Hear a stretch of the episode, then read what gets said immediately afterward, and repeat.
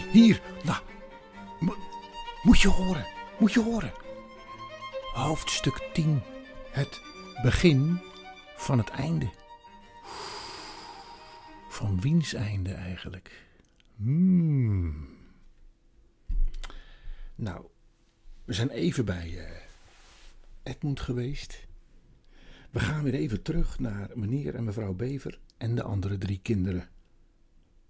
En zodra meneer Bever had gezegd dat er geen tijd meer te verliezen hadden, gingen ze zich goed inpakken met warme jassen en alleen mevrouw Bever niet. Die begon jute zakken bij elkaar te zoeken en op tafel te leggen en ze zei: Nou, eh, vooruit meneer Bever. Geef me die ham aan. Die daar, die daar hangt. Daar. En ik heb thee en suiker nodig, lu- lucifers. En, en misschien kan iemand even een paar broden pakken uit die pot daar in de hoek. Daar, daar, daar, daar, daar. Wat bent u nou aan het doen, mevrouw Bever? riep Suzanne uit. Ik maak een plunjezak voor ons allemaal klaar, liefje. zei mevrouw Bever. Je, je denkt toch niet dat we zomaar op reis gaan zonder iets mee te nemen? Hm, hm, hm? Oh, wel soms. Maar daar hebben we toch helemaal geen tijd voor, zei Suzanne, terwijl ze de bovenste knoop van haar jas dicht stond te doen. Ze kan hier elk ogenblik zijn. Dat vind ik ook. beaamde meneer Bever, Toeschiet op. Huppeta, kom op. zei mevrouw Bever. Denk nou eens even goed na, meneer Bever. We hebben misschien een kwartiertje ervoor dat ze hier kunnen zijn. En, en misschien moeten we dan. Ja, nou goed, we moeten, gewoon zo, we moeten gewoon op tijd spullen meenemen. Maar dan moeten we toch niet zorgen dat we een flinke voorsprong krijgen? Ik bedoel, hoe groter, hoe liever, zei Peter. En als we, haar, als we voor haar bij de stenen tafel willen zijn, dan hebben we helemaal haast. Ja, u moet niet vergeten, mevrouw Bever, zei Suzanne. Zodra ze hier binnen gekeken heeft en ze zien dat we weg zijn, komt zij in vliegende vaart achter ons aan, Ja, dat doet ze zeker. zei mevrouw Bever. Maar wat we ook doen, we kunnen nooit eerder zijn dan zij. Want zij gaat met slee en wij moeten lopen. Ja, maar dan hebben we helemaal geen enkele kans, zei Suzanne. Eh, maak jij nou maar niet zo druk, liefje? Eh, pak liever een paar schone zakdoeken uit die la. Daar, daar, daar. Natuurlijk hebben we een kans. We moeten daar niet eerder zijn dan zij. Maar we moeten wel de verborgen paadjes hebben. De, de, de paadjes die zij misschien niet kent. Of misschien dat ze niet kunt komen. En ze zal denken, eh, ik ben er toch eerder. Ja, daar heb je gelijk in, zei meneer Bever. maar het wordt de hoogste tijd dat we weggaan. Nou, nou, nou, nou, nou, ga jij niet ook nog een beetje druk zitten maken, meneer Bever? Kijk, zo is het beter. Hier zijn vier zakken met spullen voor onderweg. De kleinste zak voor de kleinste, dat ben jij, liefje. En ze keek Lucie aan. Och, kom nou toch alstublieft mee, mevrouw Bever, Ja, ik ben bijna klaar. antwoordde mevrouw Bever eindelijk en ze liet zich door haar man helpen bij het aantrekken van de sneeuwschoenen. Eh, de naaimachine is zeker te zwaar om mee te nemen. Ja, natuurlijk is die te zwaar. Veel en veel te zwaar. En je denkt toch niet dat we daar, op, als we op de vlucht zijn, dat jij achter de naaimachine kruipt? Kom op, schatje. Nou, ik moet er anders niet aan denken dat de tovenaares gaat zitten knoeien. Het zou me niks verbazen als ze mijn naaimachine kapot maakt. Of meenam. Nou, schiet nou op, alstublieft, schiet nou op, zeiden de kinderen. En zo stapten ze eindelijk allemaal naar buiten. Meneer Bever deed de deur op slot. Duurde het weer langer voordat ze konden gaan, maar ja, daar gingen ze. Allemaal met een plunjezak over hun schouder. En toen ze op weg gingen, sneeuwde het niet meer, maar scheen de maan. En ze liepen achter elkaar. Eerst meneer Bever, daarachter Lucie, dan Peter, dan Suzanne en helemaal achteraan mevrouw Bever. Zonder naaimachine. Meneer Bever leidde hen over de dam naar de rechteroever van de rivier en daarna over een heel hobbelig paadje dat vlak langs de rivier bleef lopen, tussen de bomen door. En de zijkanten van het dal werden verlicht door de maan en, en het torende hoog boven hun beiden uit. We kunnen het beste, maar eh, zo lang mogelijk laag blijven. Want ze kan hier niet met de slee langs. Ze kan je dus niet zien komen. Ja, als je in een gemakkelijke leunstoel van achter je raam had zitten kijken, zou het een mooi gezicht zijn geweest zoals de omgeving eruit zag. Maar nu zelfs vond Lucie het begin van een mooie wandeling, maar toen ze allemaal bleven lopen, bleven lopen, bleven lopen, en toen de zak over haar schouder steeds zwaarder, steeds zwaarder, steeds zwaarder begon te wegen, begon ze zich af te vragen hoe lang ze dit zou kunnen volhouden. Na een tijdje keek ze niet meer naar het lichte geschitter van de bevroren rivier, met al zijn watervalletjes van ijs, en naar de witte massa van de boomtoppen, en de grote heldere maan en de ontelbare sterren, en ze kon alleen nog maar kijken naar de korte poten van meneer Bever, die voorop liep. Stappen, stappen, stappen, stappen, stappen, stappen, alsof het nooit zou ophouden. En toen verdween de maan ook nog een keer achter de wolken en begon het weer te sneeuwen. En tenslotte was Lucie zo moe dat ze bijna liep te slapen. Totdat ze opeens merkte dat meneer Bever rechts afgeslagen was. Hé, hey, van het water vandaan en voor hen uit tegen de steile oever opklom. Naar boven, tot waar de struiken het dichtst bij elkaar stonden. En toen werd ze weer klaar wakker en zag ze meneer Bever verdwijnen in een klein gat in de steile oever van de rivier. Hij zat bijna helemaal verstopt achter de struiken. Je kon hem niet meer zien zitten. En tegen de tijd dat ze begreep wat er aan de hand was, was alleen zijn korte platte staart nog te zien. Lucie liet zich meteen door haar knieën zakken en kroop achter hem aan, met een hoop geritsel en geheig en gepuf achter zich, en uiteindelijk waren ze allemaal binnen. Alle vijf. We zijn we eigenlijk hier uh, een beetje? Uh, uh, precies, zei de stem van Peter. Moe en witjes. Je hoorde dat hij ook moe was. Dit is een hele oude schuilplaats voor bevers in tijden van uh, gevaar. Dit is een geheime plek. Dat die hier is, hij is niet geweldig, maar we moeten even een paar uurtjes slapen. En als jullie allemaal niet zo ontzettend zenuwachtig hadden gedaan, hadden we ons kunnen klaarmaken en had ik een paar kussens mee kunnen nemen, zei mevrouw Bever een beetje kortaf. Het was niet zo'n mooie grot als die van meneer Tumnus, dacht Lucie. Het was maar gewoon een hol in de grond. Maar het was droog en het rook er een beetje lekker naar aarde. En het was maar een klein hol, maar met elkaar zo dicht op een hoopje. Dan leek het wel een hoopje kleren en bont. En daardoor kregen ze het lekker warm. En zeker na zo'n lange wandeling. Ze lagen prima. Alleen de vloer, die was hobbelig, maar ja, die had minder hobbelig moeten zijn. En toen gaf mevrouw Bever in het donker een klein flesje rond, waar ze allemaal een paar slokjes uit dronken. Je moest er een beetje van hoesten, je moest er een beetje van kuchen, en het brandde een beetje in je keel, maar als je het had doorgeslikt, werd je lekker warm.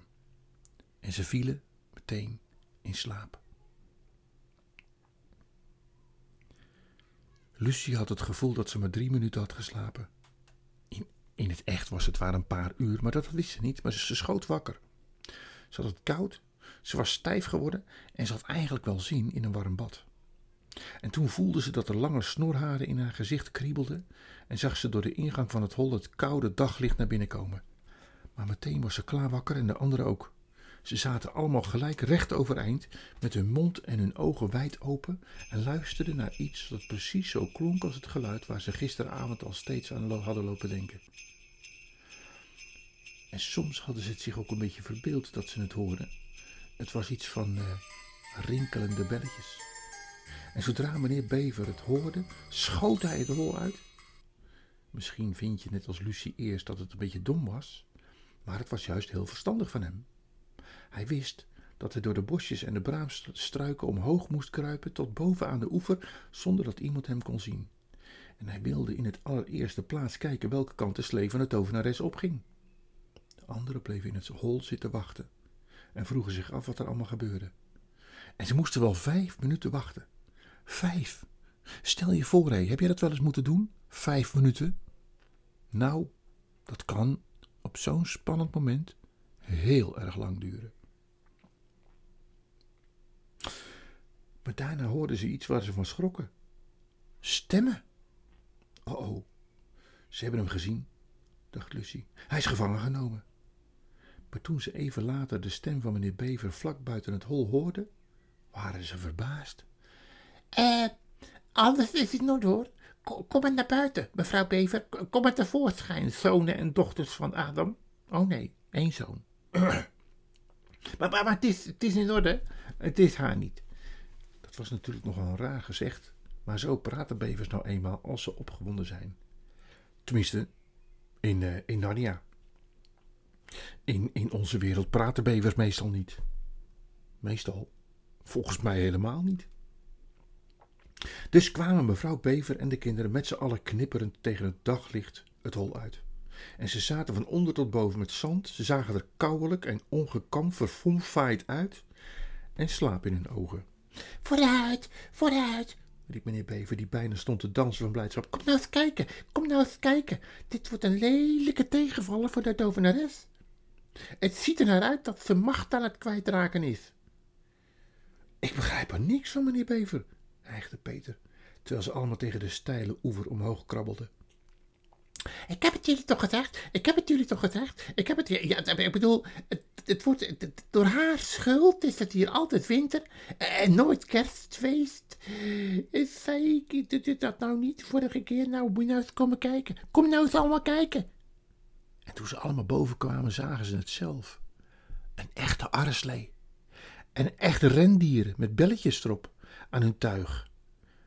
Maar deze waren veel grotere rendieren dan die van de tovenares. En ze waren niet wit, maar bruin. En op de slee zat iemand die ze allemaal gelijk herkende toen ze hem zagen.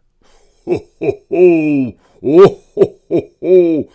Het was een hele grote man, met een vuurrode mantel en een kleur van hulsbessen rood was het, met een bont gevoerde capuchon, een lange witte baard en een bruisende watervol, zo viel die baard naar beneden, over zijn borst heen. Wat geweldig! Dat ze hem allemaal herkenden, dat kun je ook als soorten mensen alleen in Narnia tegenkomen. Het kwam doordat je vaak plaatjes van hem ziet. Er wordt over gepraat in deze wereld ook, niet alleen in Narnia, maar ook bij. Aan de wereld van deze kant van de deur van de kleerkast gebeurt het net zo goed, maar als je ze in Narnia in het echt ziet, dat is toch al wat anders. Ik bedoel, op sommige plaatjes van de kerstman ziet er in onze wereld wel, uh, als het alleen maar grappig en vrolijk is.